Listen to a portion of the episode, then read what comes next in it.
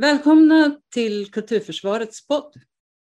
Syftet med podden är att göra konst och kultur till en valfråga inför valet 2022.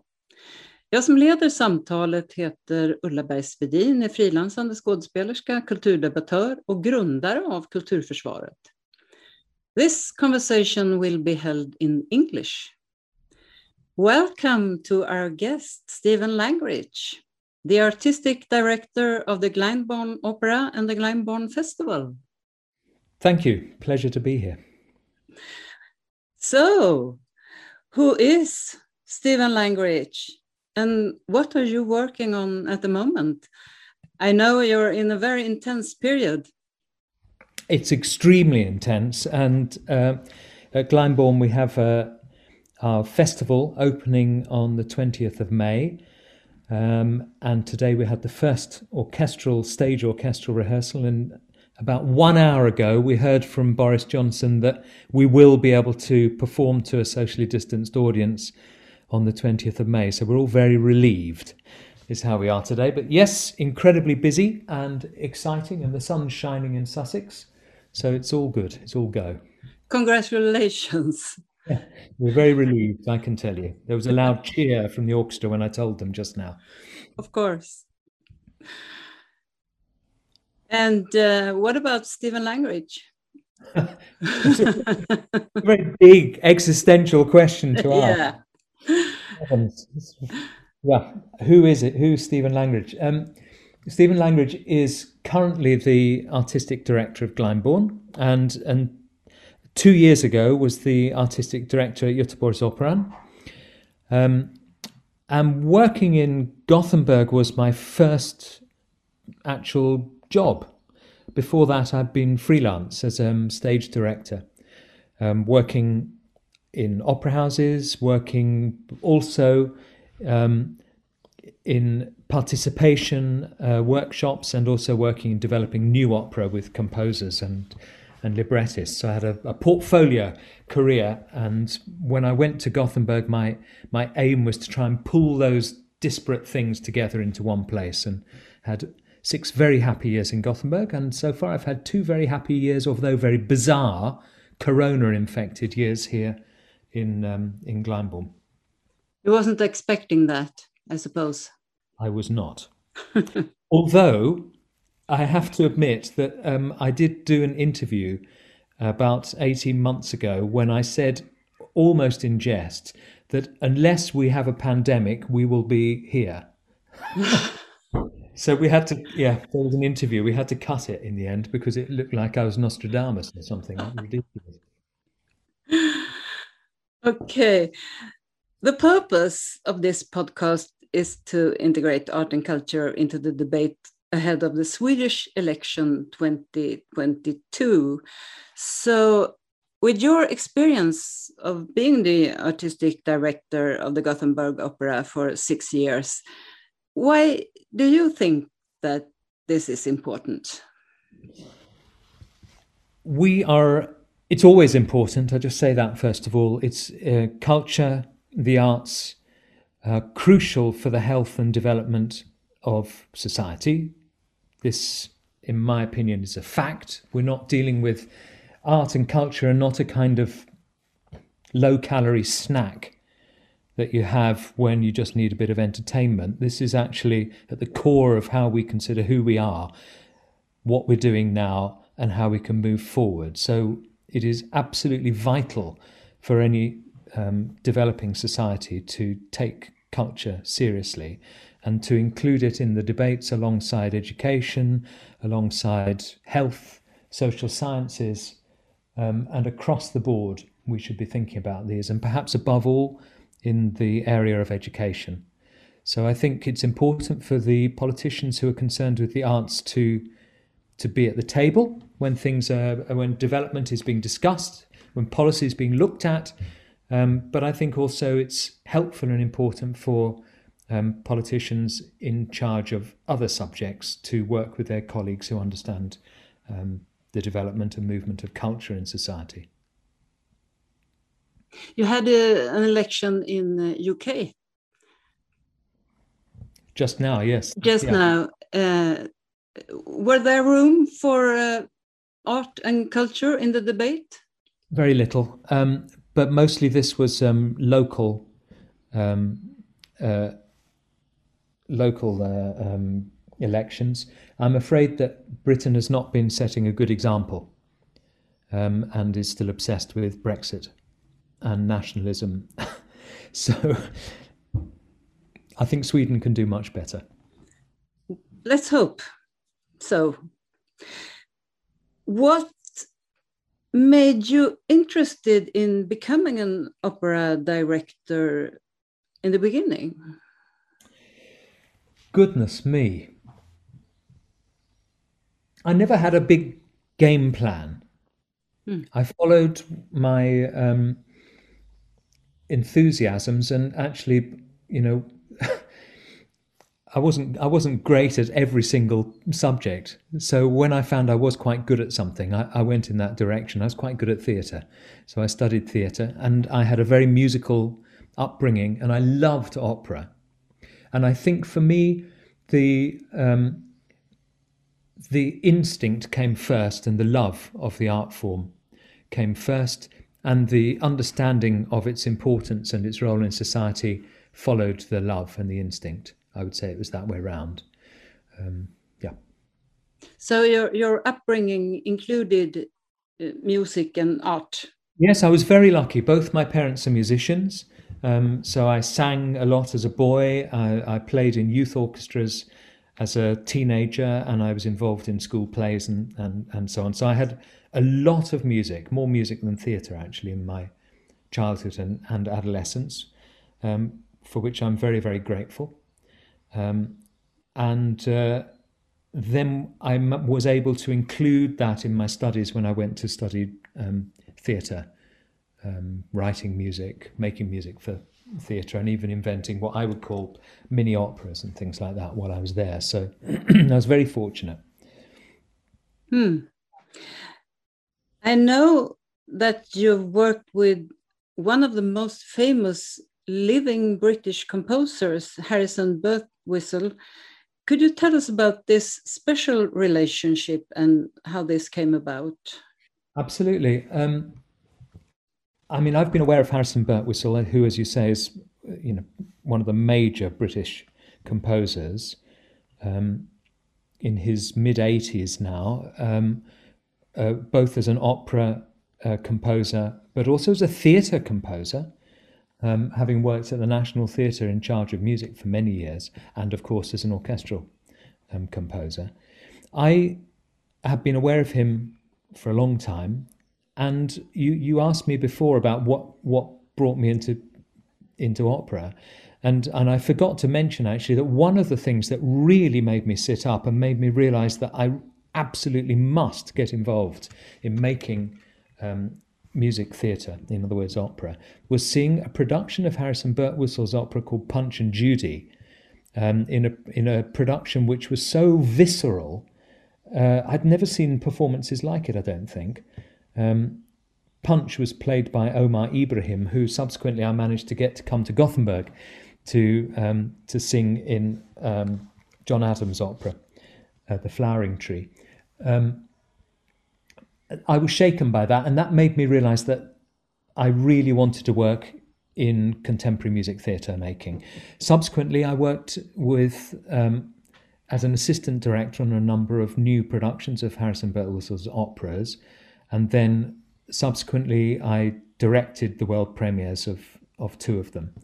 Um, the Minotaur, which you can see on my wall on this Zoom call behind me, me talking to a to a Minotaur over there, um, and the Io Passion. So this has working with Harrison Birtwistle has um, formed me partially as a director. I think, um, looking at myth in particular through the, the through his dramaturgical um, lens.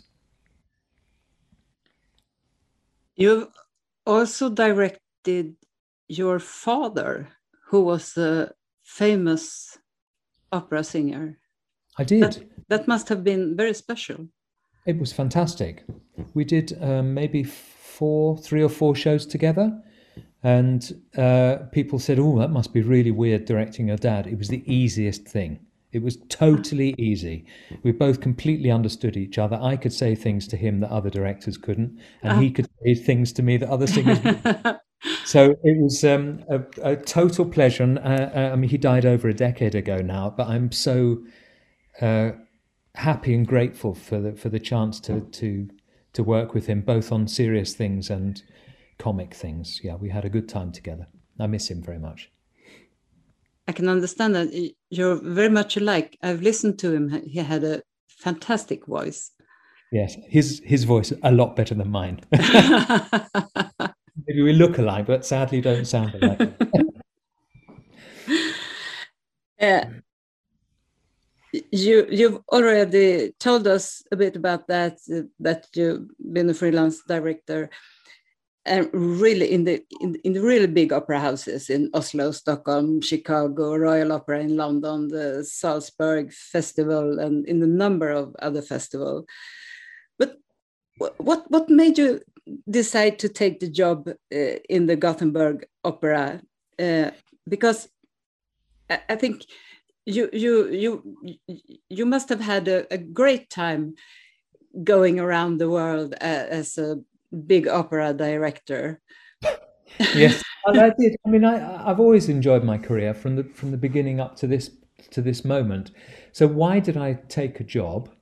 Well, first of all, I never thought about it as a possibility, and then people started saying, "Oh, you should be an artistic director at some point." I was going, "What? Seriously? Why? Well, yeah, okay, maybe." And I thought about it, and, gra- and I, I was head. Then I started to be headhunted for different jobs, and uh, I sort of went along with it, and I kept coming second every time they headhunted me. the last two, I didn't get the job, and and I, I, I wasn't really bothered because I was having a good time, and and but through applying for those um, those posts, having been asked to, I started to get really excited about the possibility. And actually, the first job that I applied to without being headhunted was indeed in Göteborg. Ah. So um, that one that was fate. It was meant to happen. And the reason i wanted to do it was because when you're freelance yes it's fun. Um, you're a sort of hired cowboy and do do a job and then then leave.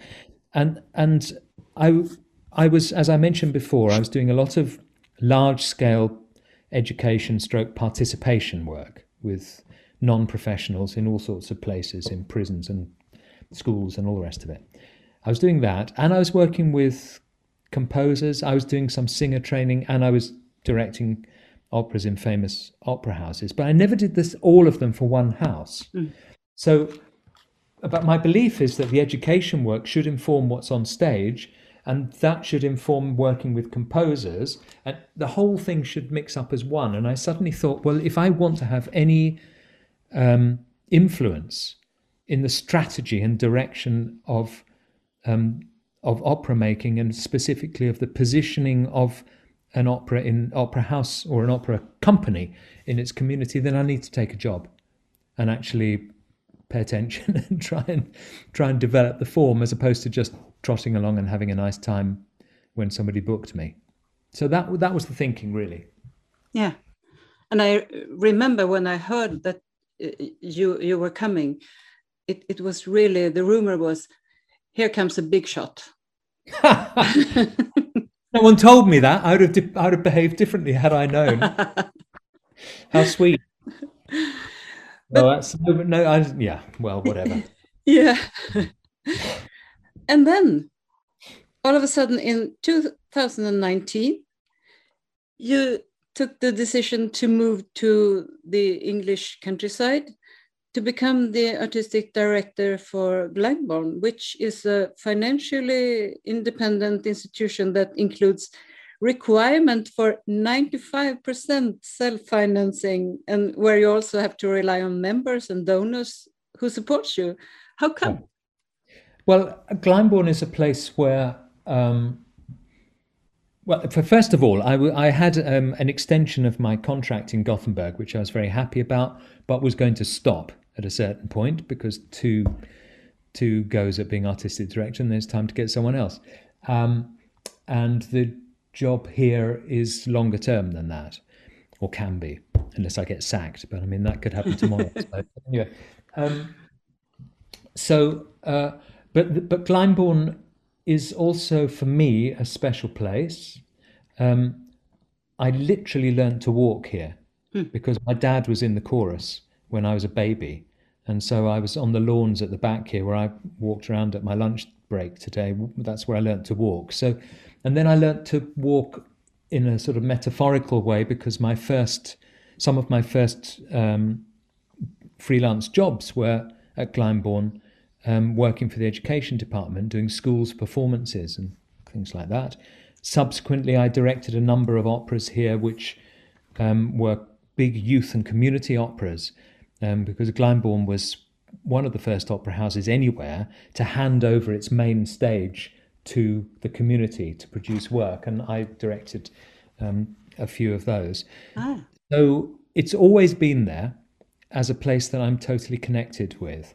The uh, superficially, it's the absolute opposite of uh, Göteborgsoperan, mm. because, as you said, it's not heavily funded by the government. Actually, we do have a tour um, around England which does have some money from the government.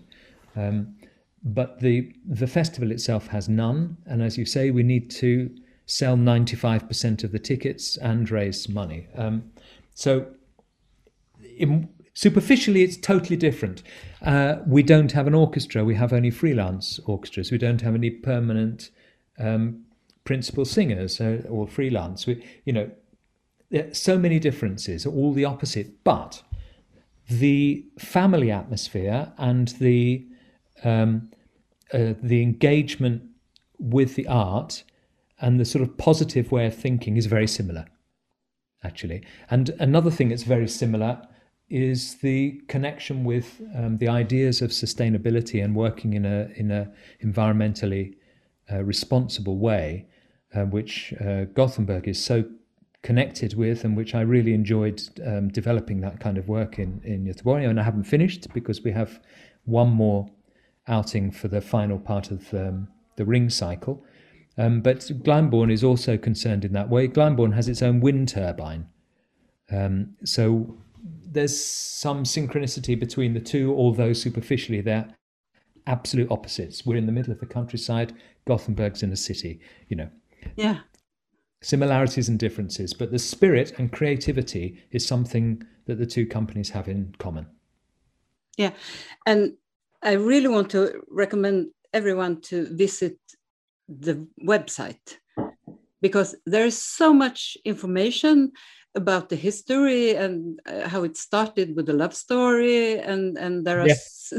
many wonderful photos of the surroundings and the wonderful opera house and uh, you can see the audience arrive in their fantastic uh, dresses. You have a dress code for, oh, we like the festival. yeah, we love dressing up. It's not a code really. It's just dress up and have a, a, um, a splendid day out and enjoy yeah. yourself.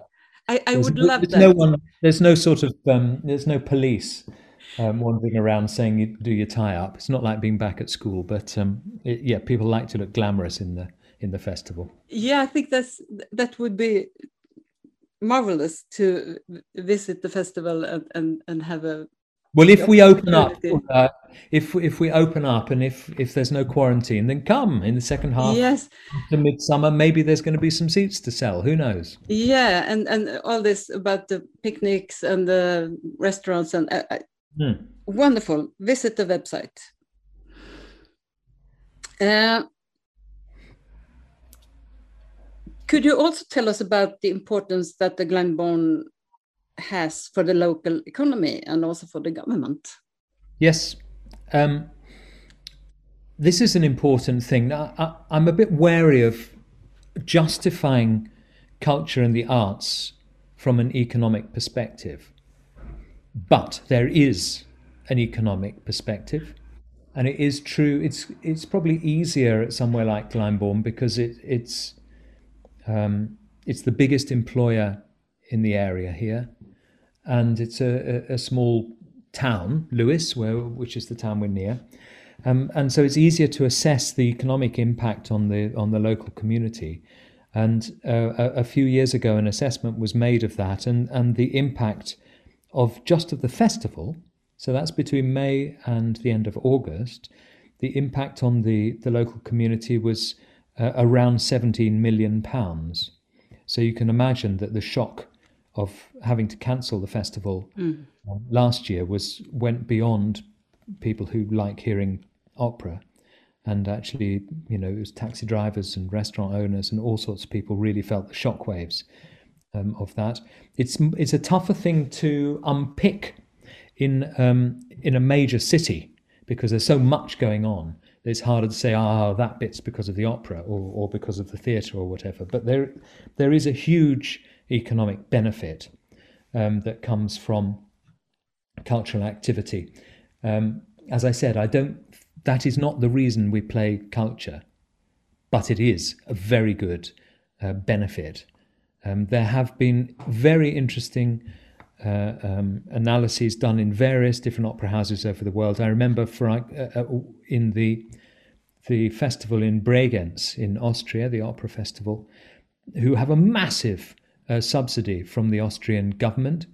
They worked out that for every one euro of uh, subsidy, they were sending four euros back to the government in taxes and uh, what do you call it, MOMS, VAT, ah. and so on. So this this idea that the arts is always subsidised is costing money is false. It's actually generating money through taxes and through supporting other businesses. Um, as I say, that's not my that's not the reason we play opera. There are other reasons for that, but it's a huge benefit. Yeah, and some of some some of the money should go back to art i think i think so. It makes sense doesn't it? Yeah. Uh, let's talk about something else. You're well known for your education development and training work uh, and you've been mentioning it before and that includes projects in a lot of countries among them sweden. Could you tell us about that work? Absolutely. I mean, I, when I started off as an opera director in in England, it was also the time of very, very high unemployment and the time of Thatcher. And uh, there was a sudden movement towards um, industry and education. And what Mrs. Thatcher was thinking was oil industry or or you know, computers linking up with schools. But we in the arts thought, well, we're an industry too, so can we do some of that?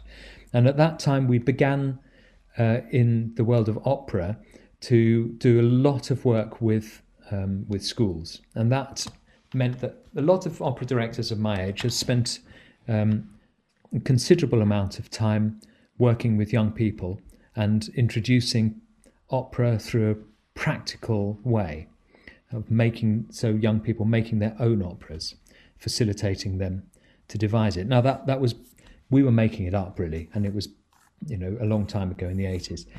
Since then, um, that work has become more sophisticated and thoughtful, and and I've been very lucky to be able to continue doing that kind of work, and it's taken me into some fascinating environments that I wouldn't have uh, had access to had I not been involved in devising music and theatre with different people. And to make an opera with a bunch of um, people in a prison is is a fascinating uh, experience, for example, and to learn that um, through all of that engagement, that actually it's a very natural art form. It's actually the original art form to to to um, tell a story through song, music, and action is is a way of uh, is a way of expressing a culture that exists everywhere in the world. It seems to be the original uh, performance art. People often think opera is taking a bit of lots of other art forms and kind of putting them together in some kind of minestrone, but it's actually a separate thing. If you look at the history of theatre, it was probably something closer to music theatre, and then comparatively recently, someone said, What about if we do this story with people speaking and not singing? And that's a weird idea historically. And we think that's the normal bit. It's not. so, um, so that's my plea for, for opera. But you mentioned it, uh, but you have been staging theater with large costs of prisoners yes. in various British high security prisons. Yeah. So, I mean, in, the work in, in prisons, for example, um, was it, there are three three levels of that. The first level was when myself and a composer and a, maybe an orchestral musician and a singer or a writer would go and work with a group of men or women um, and take a theme um, one I remember very well was to to work on the the story of Bluebeard's Castle, for example, which I did in a um, a prison in, in Berlin with the Berlin Philharmonic. Um, uh, and we'd take a theme and then we would just invent music and theatre and spend a few days inventing and rehearsing and put something together. And then the men or the women performed at the end of the week or at the end of two weeks for their friends in the prison and maybe occasionally some outsiders. That's one level. And most of my work in prisons was that sort of um, ground up creative work, devising new music and theatre, saying what you want to say through song, through action. Another level was um, directing famous shows, but with casts of prisoners. So mm-hmm. I directed um, West Side Story a number of times with a mixed cast of principals and um, and, and, inmates, prisoners. Um, Julius Caesar, the the Shakespeare, also um, was another another project, and the third level was taking in professional productions and performing them in a prison for prisoners. So the three different sorts of work that I was doing, and I found all those engagements uh, fascinating, and I have learned an enormous amount from that work. Huge amount, not just in prisons, but taking taking this form which people think which people think is um, high bourgeois only, yeah, and bringing it to people who who are not supposed to be um, interested in something like an opera, and discovering that that actually it's a totally accessible, available art form. Yeah. You also have been working with music and theatre project in South African townships. Yes, that actually that came out of some of the work we were doing, both in schools but also uh, in prisons, um, working with uh, a South African musician called Eugene Skeef, who uh, was in exile, as so many um, South Africans were, um, in the time of apartheid. And when uh, um, Mandela became president, at that point, uh, we were in a prison called Wormwood Scrubs in, in, in West London. And Eugene said to us, We have to do this work in South Africa. It's needed. We must go. And so um, we did. we got a big group of people together and we spent about five or six months working in different townships. Um, Again, f- not making people do opera, but facilitating music and theatre work, facilitating work um, devised by those communities. So I think that becomes the skill. The professional skill is to enable people to say the thing that they want to say, not to teach people to say what I want them to say. There's a yeah. different it's a different way round to the, the normal thing that people think of as directing. Do, do you know if uh, they have continued to work in this way when? Well, I mean, there's the, there's extraordinary good work going on in the townships, and to be honest, um, often we were going and working with people who were already doing great work, and just yeah. working with them a bit more. So, so this this was not a colonial exercise. Um, this was purely a facilitation exercise, and um, I don't. I'm not in touch with um, all the people we worked with, but those I am in touch with are doing absolutely phenomenal work still. Um, there are many challenges, and the challenges um, now. This was 1995. So the challenges now are, are, are different to what they were then. That was a moment of great hope and ambition, of course. And maybe it's a bit bit tougher now. Yeah. Uh, could you tell us about your involvement in Share Music and uh, how it started in Sweden? Yeah. Um, so Share Music is uh, um, was a, a, um, a, project that began in actually in Northern Ireland, um, and it began as a very simple idea of, I suppose you could say, music holidays for disabled people, where musicians would come together, make music for a week, both able-bodied and disabled people. Um, by the time I came on board, it was more of a, a, a creative um, project. Again, facilitating work to express imaginative um, ideas, both in terms of music and in terms of theatre, um, which again shaped me. Um, I understood things differently and better after the engagement with um, with making music with uh, people with various levels of disability and and none. Um, a number of years into that project, where we were really trying to engage in finding what the um, finding to to make music and theatre that had its own aesthetic that was not trying to um, impressed by copying an existing so called professional aesthetic that you could see somewhere else, but was expressing its, the groups would express themselves in the way that they needed to and find their own aesthetic and their own form.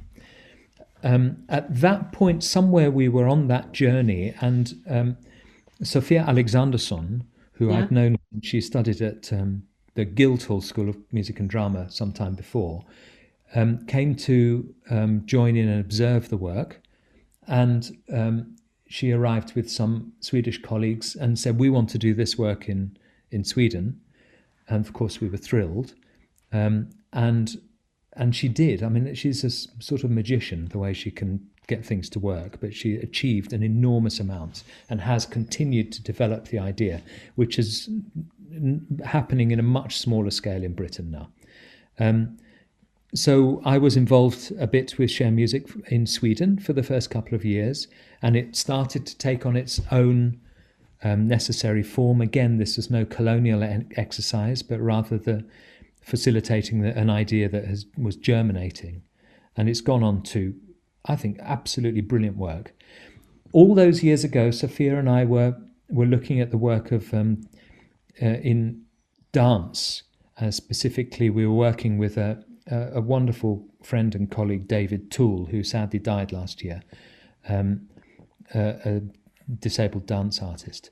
And uh, we were saying, look at the amazing work that's happening in, in dance, where um, able bodied and disabled people are working together and coming up with something absolutely radical, which is affecting the rest of the dance world. Can't we do that in opera? What would that mean with opera?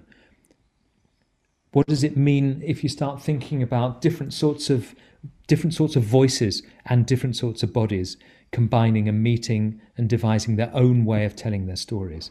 And we were very excited about that. Anyway, we talked about it a lot over beers and cups of coffee and God knows what for years. And finally, once I came to Göteborgsoperan, we saw a possibility of of working in that way, and the people in Gothenburg were so open to the to the possibility. And Sophia was there, this great imaginative colleague, and we were able to come together um, and uh, and run a number of uh, creative projects, which which culminated in this um, this opera called Shanghai, which was in 2016, I think, and one of my proudest moments of my career was being able to to be a part of that and direct it. Yeah, and I, I was involved in a project in uh, Share Music then, and I uh, visited a, a, seminar. So I I, um, I know what, what you're talking about. It was fantastic.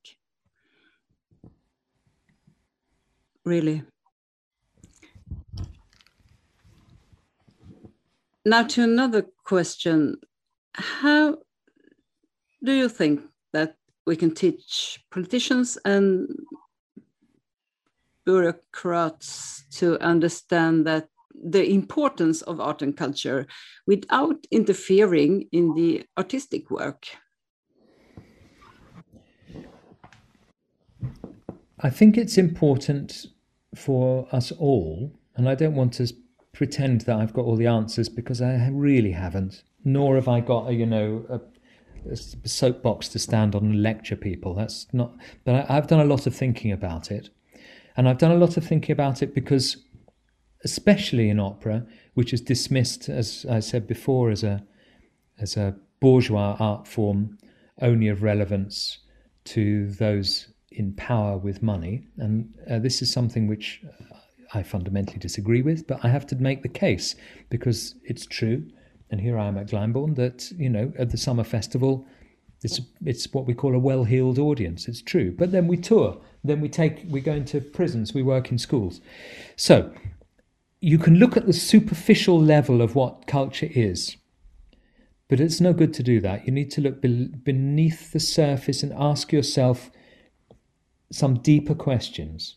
And the, here's, here's my thesis the difference between human beings and the rest of the animal world is culture. Hmm. You know, people used to say, well, human beings are the only ones with language, but that's actually probably not true.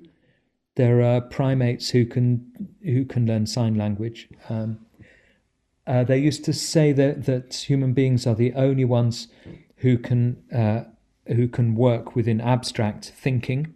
In other words, make a think of uh, a job that needs doing, a tool that's needed for that, and another tool to make the first tool.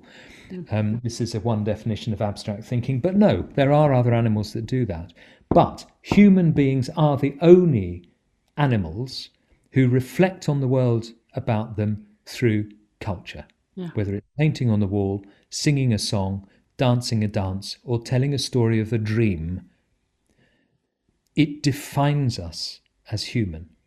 If we don't support culture, culture and the arts, we are dehumanizing our societies. This is a very dangerous thing. If you go, if you, it's also dangerous to um, rob any particular section of society of their human right to participate in the arts. If you deny a group of people the possibility of expressing themselves and joining in with the expression of their common humanity through the arts, you are dehumanizing them. This is always my answer when people say, Well, why are you working in a prison? Those people don't deserve to get this luxury. I say, if you want to dehumanize an entire population and then release them onto society, good luck. Mm-hmm. We have a real humanizing function. Or actually, I don't say we're humanizing, and that makes us sound like angels. I don't mean that. But if you take the arts away, you dehumanize. What does it do? What the arts do is they provide the space for the collective use of imagination. And if we don't use our collective imagination, we are totally stuffed. We have to rebuild rebuild the world. We have to rebuild the world in a way that allows us to live sustainably. We need huge imagination to move into that. The arts can help that. Children, Let's discuss children for a moment. Something like 90% of all eight year olds will be doing jobs that don't even exist yet when they are grown ups. You cannot train people to do a job like a bunch of robots. It's not possible.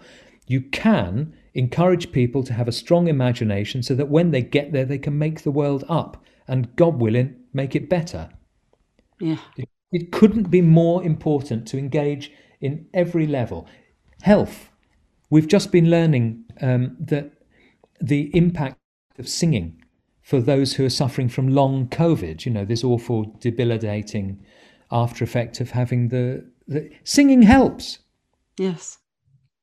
So again, I don't justify the arts through economics, nor through its impact in education, nor through its health, um, uh, how it can help the health of individuals. Although all of that is true, I justify it by saying that's how we define ourselves as human beings. And further, the other thing that, um, is, well, I, I mean, opera is my thing, opera and theatre and music, but empathy, that crucial human what do we say? It's not a skill. It's um, it's it's another defining quality of human beings to be empathetic, to imagine yourself into somebody else's situation. That's what we do in the theatre. People cry because they see La Boheme. Yeah. But it's not even a real person. And we're all together. And I also believe that as we climb out of this hideous pandemic, we're going to have to learn how to be together again. We're going to have to, we don't know what somebody votes who we sit next to in a theatre. Good. Let's mm-hmm. imagine, even with people who we don't agree with, if we discuss taxes, let's let's at least empathize let's imagine together these are absolutely crucial things that we need and if we don't have them we're doomed it will be disastrous it's not optional it's not luxury it's essential amen that's my that's my crusading speech. You've had. Yeah. uh, finally, let's return to the 2022 election in Sweden. Uh, you already have said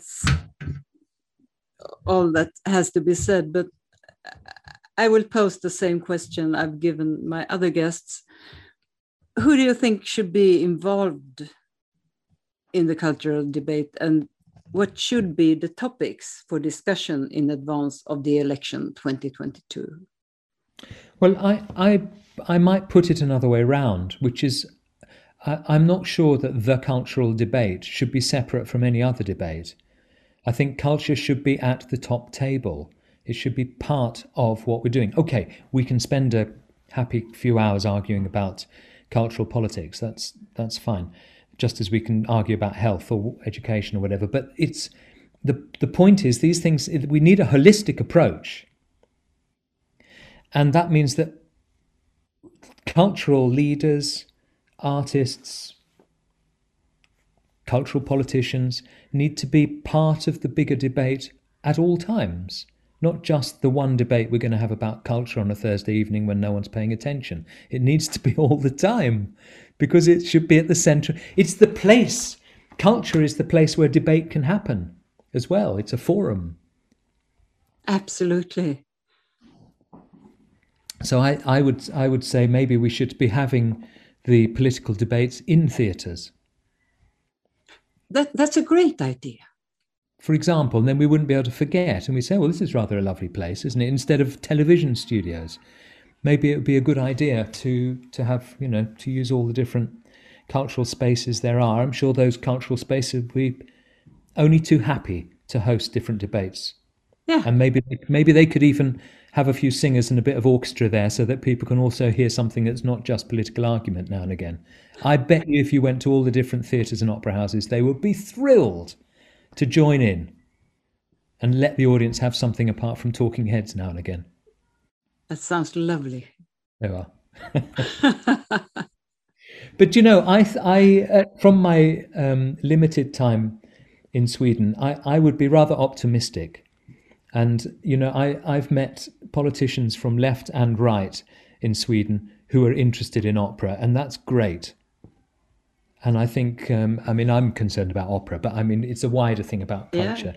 So I, I would be feeling rather, rather optimistic about your politicians, and I would be feeling that encouraging people to be together through culture is something that could it, it be simpler to achieve in in Swedish society than in some other more antagonistic societies like the UK, for example, where we like screaming at each other. okay, that that sounds hopeful.